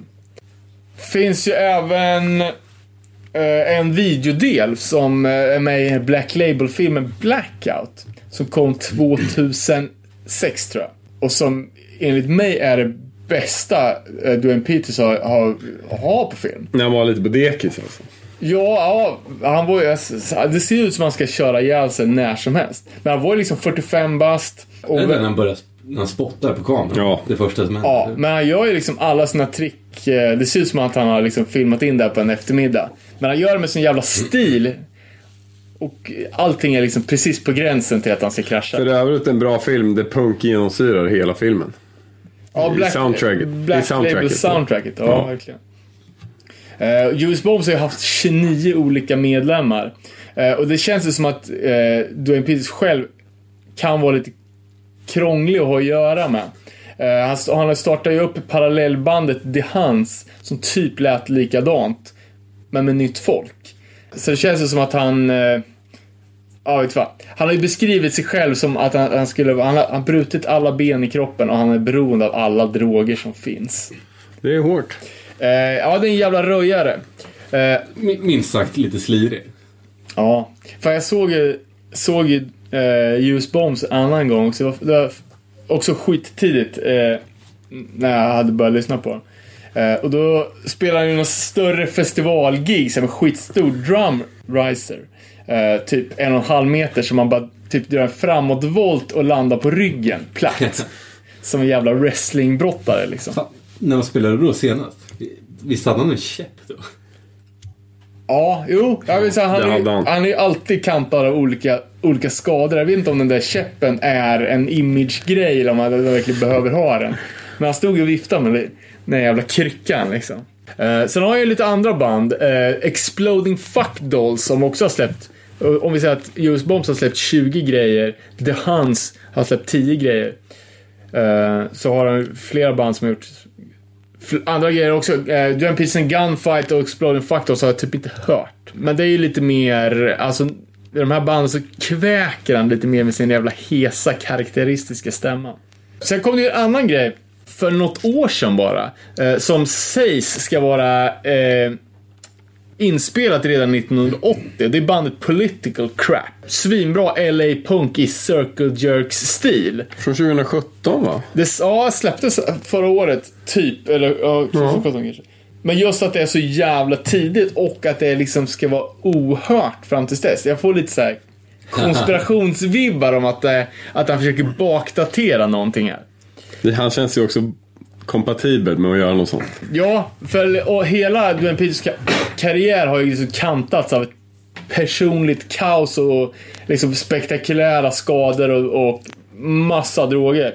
Och eh, 2010 så var han ju, var ju nära på att förlora benet i, i någon eh, infektion som han hade fått. Och då var, kom, jag- då var ju hela skateindustrin och gjorde liksom så här här. Ja, GoFundMe sån grej var ju... Ja, men typ innan. Ja. Innan det fanns liksom. För att eh, rädda hans ben liksom. Tyvärr har Men, han ju tappat det helt totalt. Senaste åren. ja, jag tror, att det, jag tror att det började 2014 med något total jävla kollaps. Eh, Det började med att, att han blev dömd till fyra års villkorligt för domestic violence. Han hade slagit sin tjej. Skulle jag gissa på. Och Twitter har ju inte hjälpt, hon, har inte hjälpt honom någonstans heller.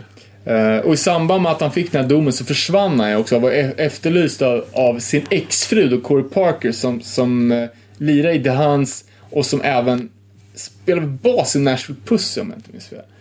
Uh, eh, så hon, ja, hans närstående liksom bara, vart fan är han? Han mår inte bra, han är någonstans. Så att det här är, vad, vad sa de? Det här är, det här är inte en fylla utan det här är demens eller någon typ av mental sjukdom som spelar. I skatevärlden var det ganska stort, det var ju överallt. Ja. Eh, och sen började han ju som eh, så många 50-plussare använder sig av sociala medier. Eh, och det har ju inte varit till hans fördel. Han har ju klämt ur här jävla sjuka rants alltså. Tyvärr lite rasistiskt ibland. Ja, mycket rasistiska grejer, mycket homofoba grejer. Och, men det är ju så här, Det är så jävla osammanhängande också. Han kan liksom... Det, det är som se psykisk ohälsa spelas ut framför en. Ja, visst. Eh, och Dwayne Peters, han har ju hela sin karriär varit liksom Tony Hawk.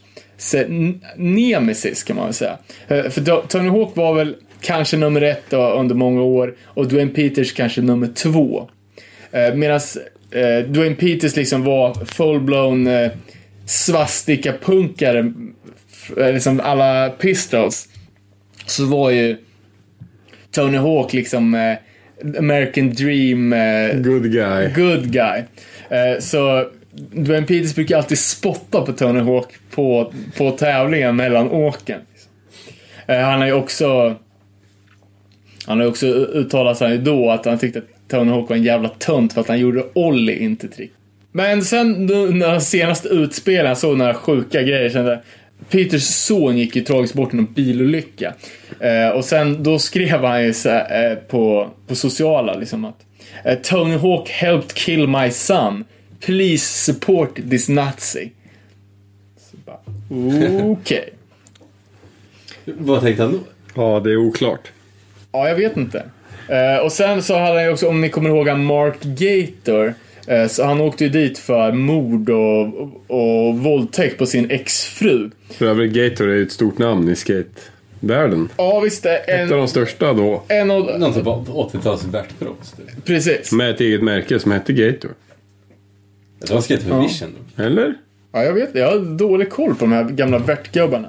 Men Gator åkte i alla fall dit för det här och han har ju erkänt också. Men Dwayne Peters gav sig in i leken och skrev att att eh, typ att det var Tony Hawk som hade framat honom. Alltså, satt, satt dit han för för det här eh, mordet på något, på något sätt. Att Tony Hawk skulle vara inblandad. Eh, så ja, kul, kul att sitta och, och skratta åt men det är en tragisk historia på någon som har Och det finns heller inget som ursäktar kvinnomisshandel och rasism. Såklart inte. Men det är ju fan, det är, det är tråkigt. Alltså någon gång kommer ju, kommer ju 30-40 år av stenhårt pundande sätta sina spår i pallet och då när det brinner då är det ju kört för, för Ja, Vision körde han för Gator ja, Klassisk Ja. eh, vision. Men ja, Vision-grafik. exakt. Eh, En annan snubbe då, som, som verkar ha hållit ihop det ganska bra. Eh, en stilikon får man väl ändå säga. Matt Hensley. Legenden. Legend. Var väl en stor del till att Millencolin bildades som band. Med Heart Attack Tour och... Ja. De har ju spelat med dem många gånger. Förband. Jag har varit på flera själv. Eh, och bandet i fråga är ju Flogging Molly. Det är, ja, kan man... Keltisk punk, irländsk folkmusik. Det är Dropkick Murphys fast från... Dropkick Irland. Murphy slash Pokes. Ja, Ish. typ. Eh, och Matt Hensley spelar ju dragspel i det här bandet. Eh, sjukt att Flogging Molly har släppt åtta stycken fullängdare. Ja. Senaste 2017. Men Hen- Hensley var ju liksom en, ja, under eh, H-Street-eran, filmerna Hokus Pokus bland annat, så var han ju liksom typ världens bästa skatare. En av de väl absolut... en, av de som tog när skateboard vart. Han gjorde typ street skating. Street skateboard. Mark Gonzales och Matt Hensley, det är väl de två som... Natas. Natas. Det är väl, ja, de tre då. Som gjorde street skating, street skating. Han är väl en av favoritprosnas favoritpro. Ja, men det måste man ju säga. Din favorits favorit. Exakt. Ja, Jag körde ja, med olika one-foot-varianter. Jag var ju tidig med att flippa in till grejer också. Det är, Tob- det är Tobias Bars favoritskatare. Eh, Så även på, på disco faktiskt, att han hade ett skaband. Eh, Matt Hensley rockade ju typ skinhead-stil ganska tidigt. Skate med Dr. Martins och... Jävligt coolt. Eh, ja, ju- Han filmar trick i Ja. åtta hålars och så vidare. ja, det blir inte, det blir inte lättare. Men att han hade haft ett skaband med sångaren i Unwritten Law. Jävligt tidigt, hans första band. Som släppte typ en sjua, 91. Kanske man skulle börja söka upp. Och tricken han gjorde, de håller fan än idag. Ja, det är, det är mycket bra. Mycket bra grejer. Han gjorde väl... eh, Fan, kan han ha gjort en eh, 540 street? Ja, och han gör ju också den där ikoniska backside flippen, backside grab över soptunnan. Just det. Den är ju magisk. Eh, grym. Eh, en annan snubbe som vi har snackat om här i podden vid flertal tillfällen, nästan alltid med ett eh, flin på läpparna, är Mike V. Som har en jävligt dålig del i Dwayne Peters bästa film. Då. Det, Blackout. Blackout. Det är den de bara pushar. Eh, den delen var ju inspirerad av någon annan del. som- Mike V som heter Mike Vallely eller Mike Vallely. Oklart hur man ska uttala det va? Ja, nu kommer jag inte ihåg det. Jag hörde den här... eh, Han har också varit i Örebro då. Ja, just det. På Heart Attack. tror jag. Exakt. Men du har, träffat, mycket- du har träffat honom? Ja, mycket oklin snubbe. Alltså, berätta. Vart pro, han har väl varit pro väl länge? Vad då? Nu vet jag inte Ja, han heller. var typ, han var ju, han, han, eh, även fast han känns som en, liksom en åldrad veteran så var han ju jävligt ung när han slog igenom. Han har också vunnit en av de största street-tävlingarna, Tampa Pro va? och sådär. Så Säkert Skater of the Year också. Det har han nog varit. Alltså, han, var, han har varit en av de största när det begav sig. Men när jag har varit på tour med honom så har han ju inte varit den cleanaste. Och när var det här då? 2000-tal? Det var 2000-tal, mitten någonstans efter Alice-eran, när jag körde för America. Och eh, jag körde, var även sponsrad av Eastpack och Red Bull. Och det var de som finansierade den här resan ihop. Till eh, först östra Europa, Polen och sen vidare in till Ryssland var vi vill jag minnas. Lite demos. Det var väl mest det. Det var demos, skriva autografer och ja. Hur, hur var skatescenen i Ryssland då? Den var fan ganska gnarly. Det, På vilket sätt? tänk, tänk dig sig NHL när de börjar spela hockey, köpa begagnat, svarta Ja. marknaden stil. För det kom ju någon, någon skate-dokumentär om så här, skating behind the curt, Iron Curtain. Typ, Ja. Där de göt sina egna truckar hemma och gjorde lerhjul. Så var det, jag gav ju bort allt jag hade till alla. De, vissa var ju rippers, de hade ju, det var någon som hade tre, du vet, skrev på tre hjul, hade gjort ett år. och, du vet. Men det var, det var, Ryssland var ju då, ja, det var ju magiskt i sig. Det var ju Moskva och sen var det ju, resten var ju bara Ryssland. Det var två olika, det var som att vara i USA fast sen till Moskva som var i Ryssland. Men då minns jag, vi var, jag tror vi var i Österrike först. Sen åkte vi till något som heter, det är i Estland, Baltic Games eller något liknande. Det är ganska, jag tror de har 20-årsjubileum i nästa år eller Ja, en av de stora europeiska skate-tävlingarna. Ja. Och då hade vi varit först på morgonen och gjort ett demo. Och haft, efter demot var det ju enligt tidsschema autograf-signing.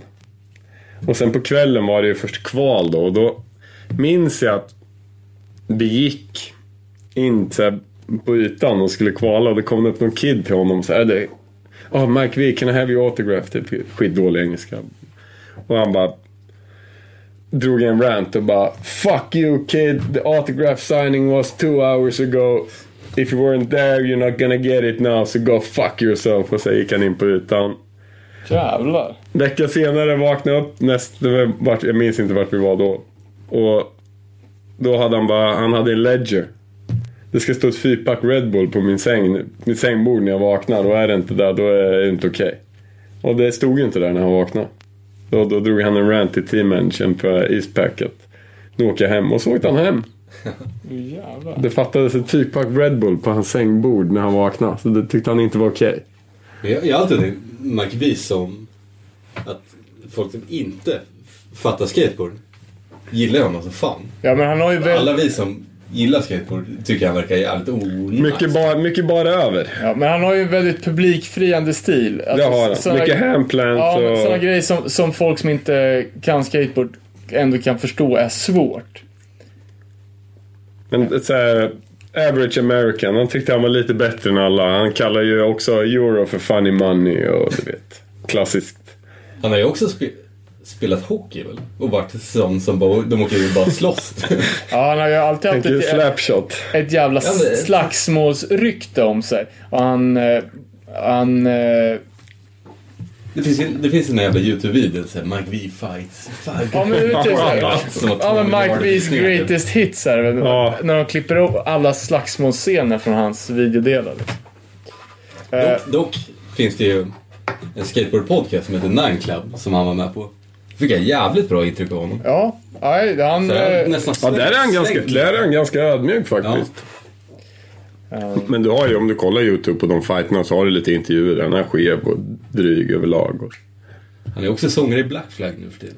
Ja, det är jättekonstigt. Ja, Och innan det hade han ju bandet Mike V and the Rats. Eh, som också spelar i Sverige på de här skatepunk-tillställningarna Heart Attack.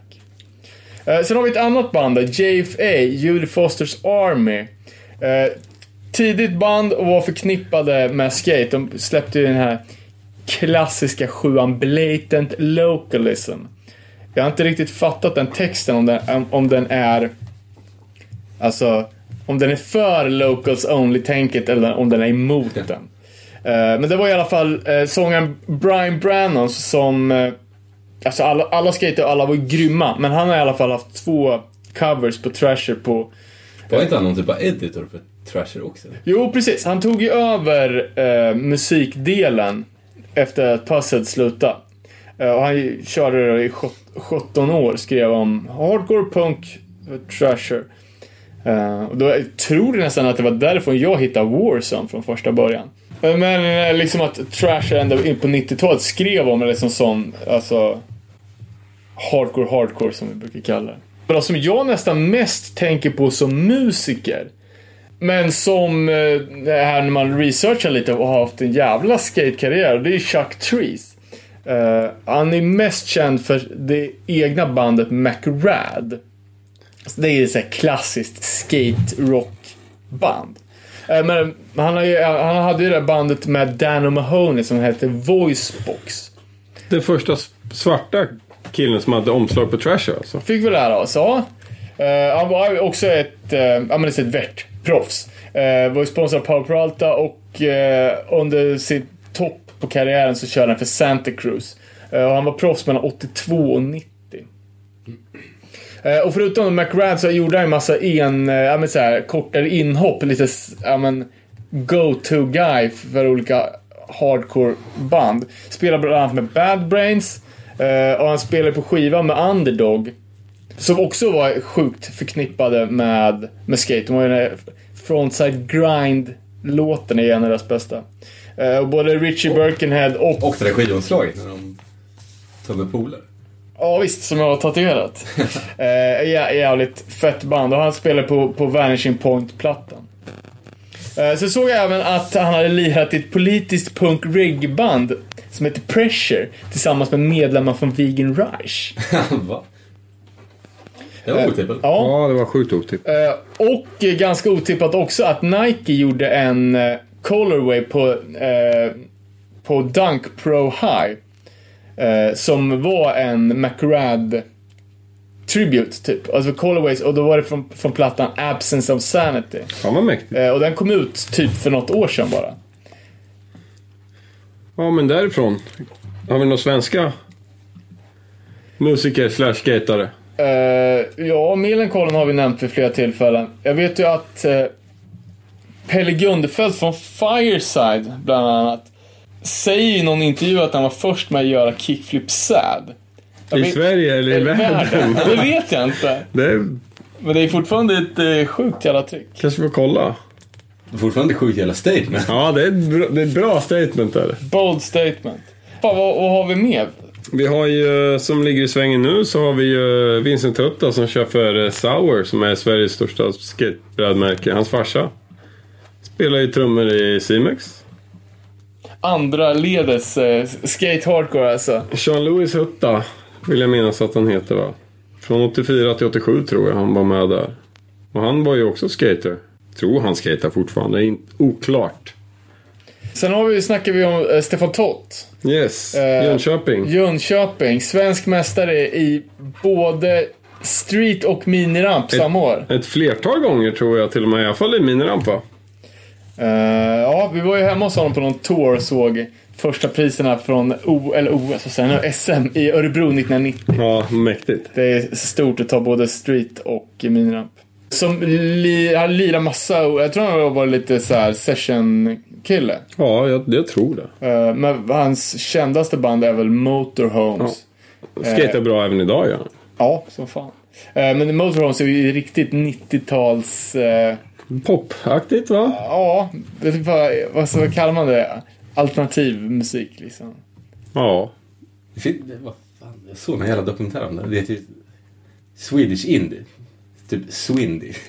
Swindy. Där har vi den.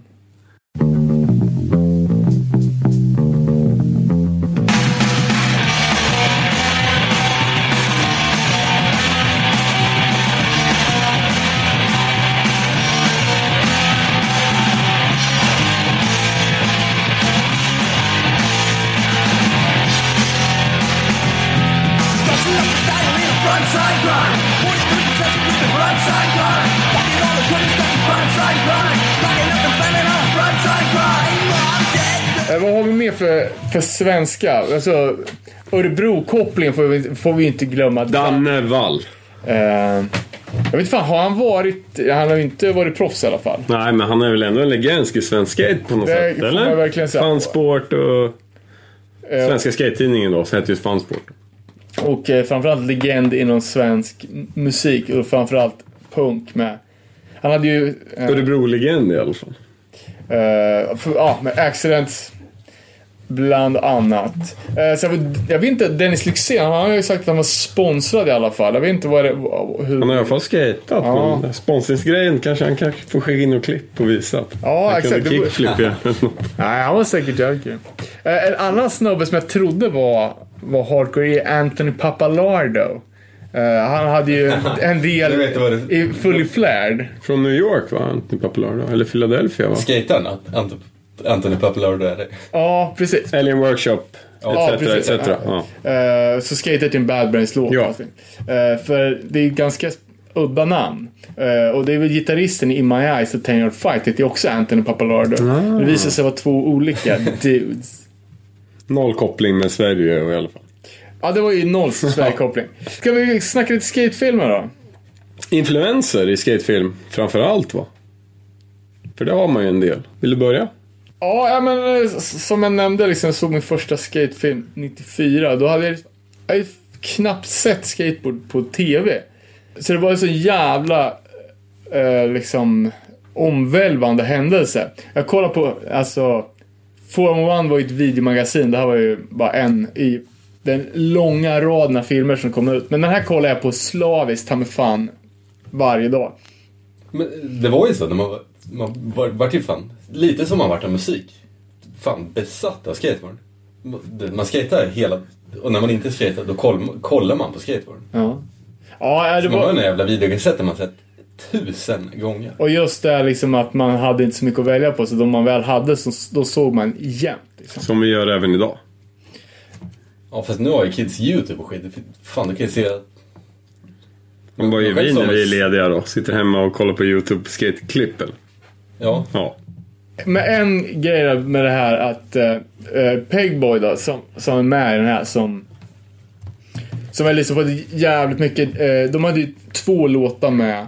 Den ena spelades under en eh, en del som heter Private Property. När de skater på Climax Distribution. Eh, på deras typ baklager hade de en liten en park och så hade de en session där. Eh, Vad sa du? Formula 1 nummer fem. nummer fem. Hur fan Eh. fick du tag i den? Jag beställde den från en postorder. Jag fick den av morsan i midsommarpresent. Hur hittar du postorden Ja. till att börja med? Jag vet inte. Jag kommer fan inte ihåg. Jag kommer inte ihåg vart det var ifrån heller. Men eh, då, då 94, då var ju skate liksom, då fanns det i alla fall. 92 var det ju tvärdött. Men det sjuka med att eh, med det här, eh, den här delen som jag sett tusen gånger som utspelar sig på en så jävla alltså speciell plats. Det är liksom bara det här bakgården med en funbox och typ en quarterpipe och en bank. Jag var på, det stället utan att veta om det. Fast jag gick liksom aldrig ut på baksidan.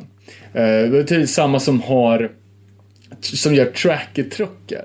Så vi var där och kollade på den fabriken, hur det stod några liksom X-pundare och bara borrade ut alla hål i truckarna för hand. Och hade jag bara öppnat dörren och kollat ut på andra sidan lagret där de stod liksom, så, så hade, hade den där parken som jag sett utan att överdriva så 200 gånger. En annan film som vi också har kollat på så jävla mycket det är Plan B's Virtual Reality. Pat Duffy. Pat Duffy, och som jag sa, alltså där har man fått, alltså, kanske inte så mycket bra, bra låtar, men som man ändå har liksom nött in i skallen bara för att videodelarna varit grymma. När kom den? Eh, den är, 92? Ja, något sånt där. Jag tror 92. Den kom 92. Och det var ju liksom, ja, Den är omvälvande. 360 ner för det dubbelset eller? Nej. Men det är den han Ja, gör... Danny Way är ju 360. Ja, det är den han gör backsmith när det regnar. Ja, trippelset Ja. i San Diego. Ja, jag vet inte vart det är. Det är San Diego. Ja. Jag var där i somras. Men det är då han gör backsmith i regnet. På den kinkade railen. Pat Duffy har sista delen. Ja, han gör ju riktigt 50 på någon stor när ingen gjorde det och etc. etc. Uh, och framförallt så kör han på, det är en lång, det kanske är en typ en 16-stegstrappa med en skitliten hubba. Uh, och en ganska slak trappa och så gör han så mycket flipptrick upp till olika slides. Vidare till punk och skatefilm då. Uh, ja, vad har ni för favoriter då? David kan börja. Ja, jag är en. Den... Welcome to Hell.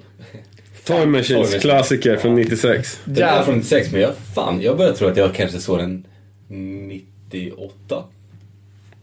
Ja, det är en, Nej, jag, jag, jag vet inte. Men Det är ju en- jag, jag såg den inte när den var ny. en av 90-talets absolut största filmer. Med ett jävligt bra metal och punk soundtrack i alla fall. Mind var ju blown. Jag, och jag funderar så jävla mycket på den här veckan om det här är första gången jag hör Misfits.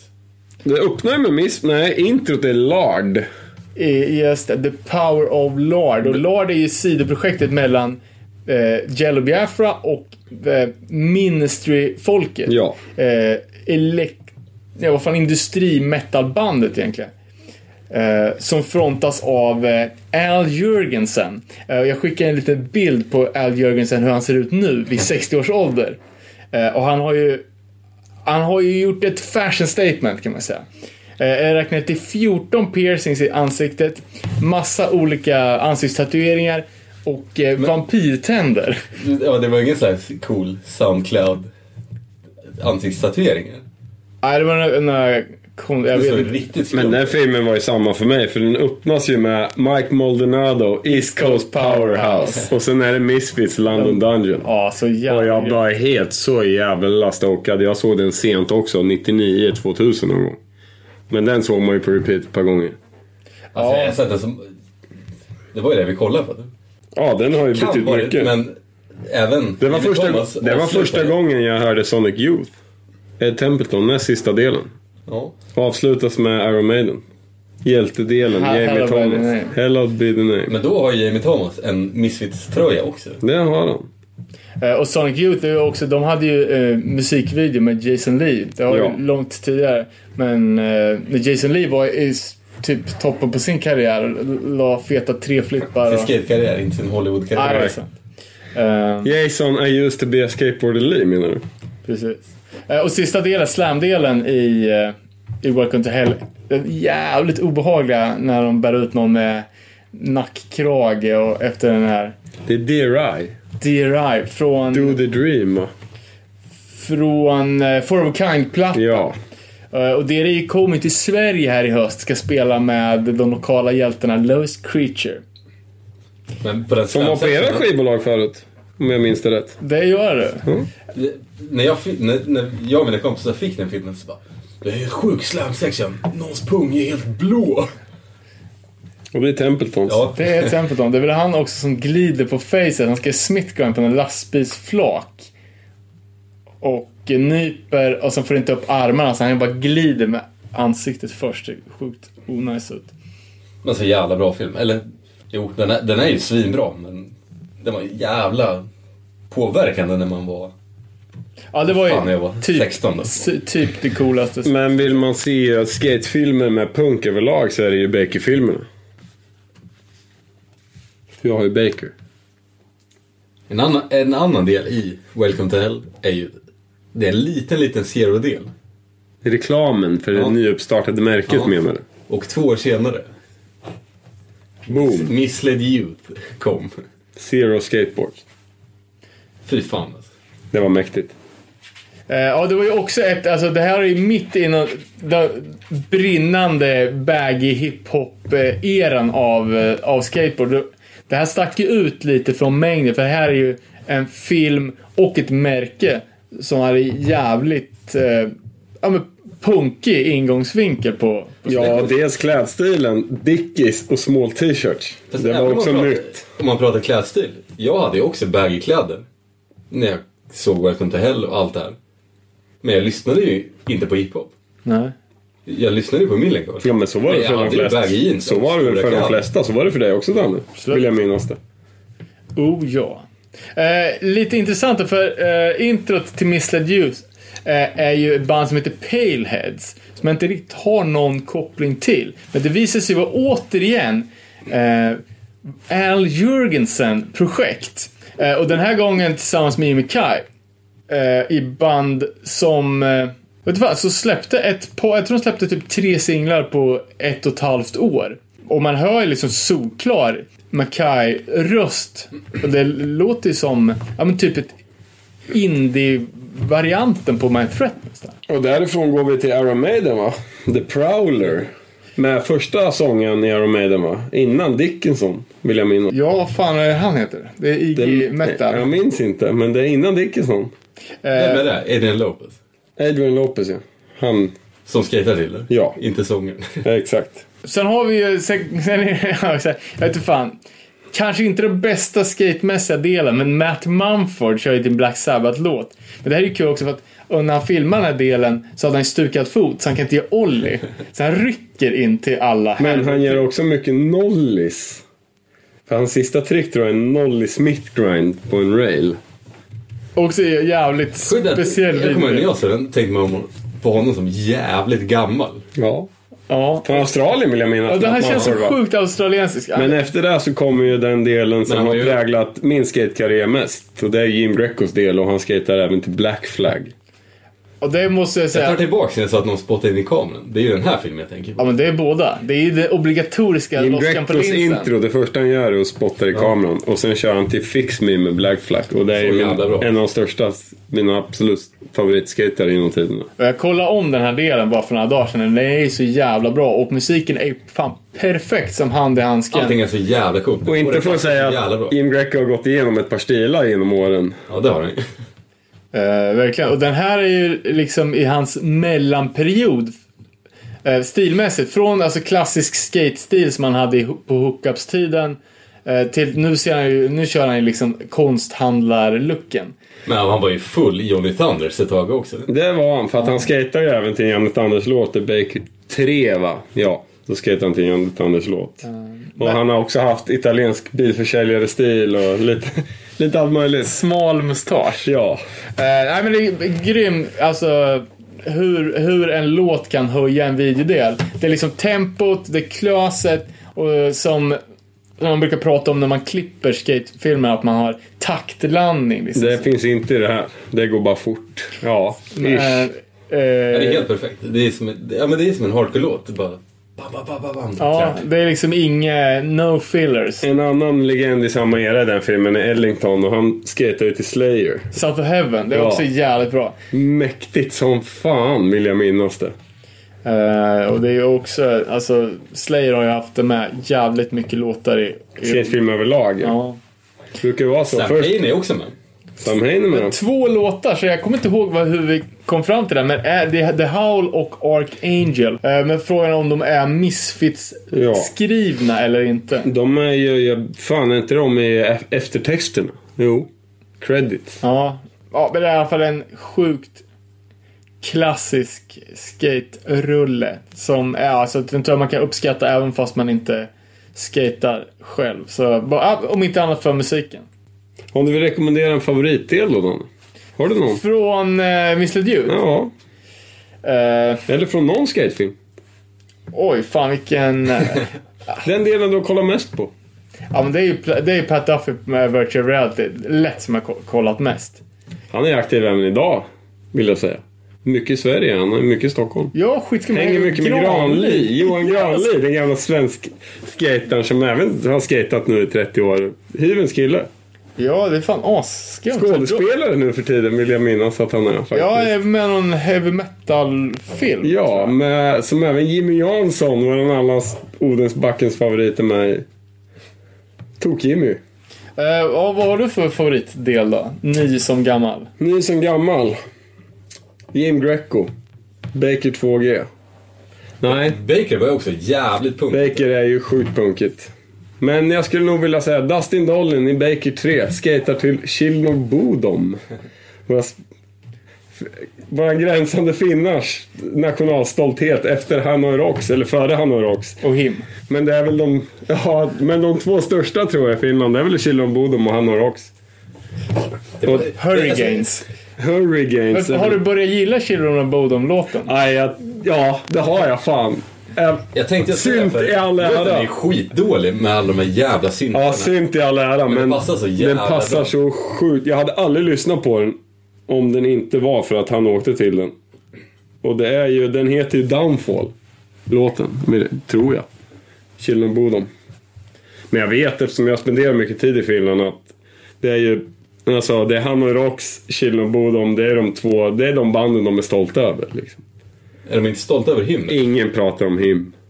Eh, Lordi då? Ingen pratar om Lordi. Rocks är väl det, det är deras ABBA. Fast förutom att ABBA är världens sämsta band så är Rocks, tycker jag, ganska- helt okej. Eh, och och eh, om man ska snacka hardcore-låtar i Baker 2G-filmen så öppnar det med, det handlar väl Am på den tiden, Nox Godoy. Snorungen som kör Bad Brains Big Takeover. Han försvann lite efter det här. Jag har fan ingen kläm på honom. Nej, jag tror han eh, satt ner sig redan som 17-åring och började väl gå på crack och allt.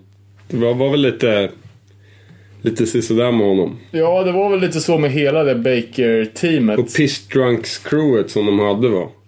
Exakt, med Ali Bilala i spetsen. Han har för även sista delen inom Baker-film efter outrot, Ali.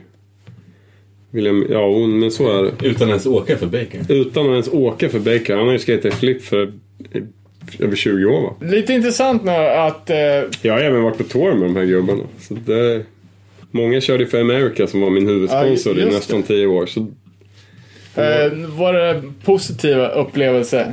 det var, det var punkiga upplevelser. De var ju väldigt stereotypiska amerikanska men de drack ju jävligt mycket bärs. Var överlag jävligt högljudda. Som amerikaner brukar vara. I, i mitt tycke. På, på gott och ont kanske? Tycker att de är lite bättre än alla andra i Europa. Frankrike är huvudstaden i Europa. Så det är lite svårt att se på det. Vi har ju även ett par, eh, det är väl till och med i Im Grecos del, eh, två low-cost-låtar. Känns som att ett band som nu, 1999, var enorma i hardcore, speciellt i Sverige. Men att det också var i, i skatefilmer. Det är lite otippat. Eh, Men det matchar också ganska bra med, med Jim Grecos klädstil med ja, men mycket tajta svarta brallor och den så kallade San Diego-stilen. Hade inte han något eget band? Typ Jim Greco and the Hammers eller något liknande? Ja, jag tror att det Ja, han har är av sjukt. Johnny Thunders Ja men det är det. För att det är, Det var ju lätt, lätt den fasen. ja, han har haft ett, ett par. Men jag har ju också följt honom ganska bra i min stil. Så han var ju varit min, han var ju min stora förebild ganska länge. Jag har alltid tyckt generellt att när skatare startar band, att man, tycker, att man blir jävligt tveksam. Ja, det är ju alltså det är, Det är skumt egentligen, Ja. för varför skulle, varför skulle man bli det? Du har de andra Bakersnubbarna som har Goat, eller vad heter det där bandet? Okej. det- Med Figgy och Stanky och... ja. Men man är ju tveksam redan där. Bara, Ja. Det är suspekt, det är lite. Ja, eller... som, när- som när skatare börjar göra konst. Typ. Hmm. När Ed Templeton bara tar foton på sin frus röv och kallar det för konst. Eller sin dagliga Santa Monica Pier Instagram-bild. Men Ed Templeton näst Janowski sist- gör skulpturer i tenn. Ed Templeton för övrigt, näst sista delen i Welcome to Hell, som också är den bästa delen i Welcome to Hell. Skatade Sonic Youth. Ja, han är, han, Enligt mig han, är, han är grym som fan. Eh, Men alltså, någonting med det här med att skater inte kan gö- göra andra saker. För någonstans så, alltså, skateboard tar jävligt mycket tid och energi. Och det, alltså, alltså om man ser på sina egna skatande kompisar, det är inte så jävla många som har ett genuint musikintresse. Folk överlag lyssnar på den musik som är typ som spelas för dem, till exempel i skatefilmer. Ja. Jag tror det är bara vi som, som också är inne på punk som gillar musik. Jag tror folk är, annars är så jävla insnöade på bara skate. Liksom. Och fest då för- förstås. Men annars har ju folk, eller skaters överlag, typ inga andra intressen. Ja, skate tar ju upp. Skateboard tar ju upp alltid. Ja, det tar upp om, man inte sjukt kombinerar stor med tid. musik. då. Speciellt om du vill lära dig någonting. Men jag har fan tänkt på det, för skateboard och musik är ju det enda man har pysslat med sedan man var 15 år. Ja. Jag har gjort, allting jag har gjort har ju med skateboard eller musik att göra. Ja, det är samma Och här. vad gör vi Varenda ihop? resa, Varenda, Vi alla skater. kompisar, allting. Vi skater och annars när vi träffas så repar vi. Ja men det, är det är ju kopplat till Ja. skateboard eller musik. Ja, det kanske ska, det kanske var spiken i kistan för det här samtalsämnet. Eh, som vanligt med våra gäster så får man ju välja en favoritlåt. Eh, du behöver inte säga den nu, utan du kan få fundera på den, så klipper vi in den på slutet. Eh, ja, men grymt! T- Tusen tack för att du tog dig tid att komma hit och snacka skate med oss. Vi är väl tillbaka, jag och David, med Robins hjälp om eh, en eller två veckor kanske. Och då ska vi försöka spela in inte mindre än tre avsnitt på ett sjok. Vi får se hur det här går. Tack för att ni har lyssnat. Vi hörs. Favoritlåt? Fan vad svårt.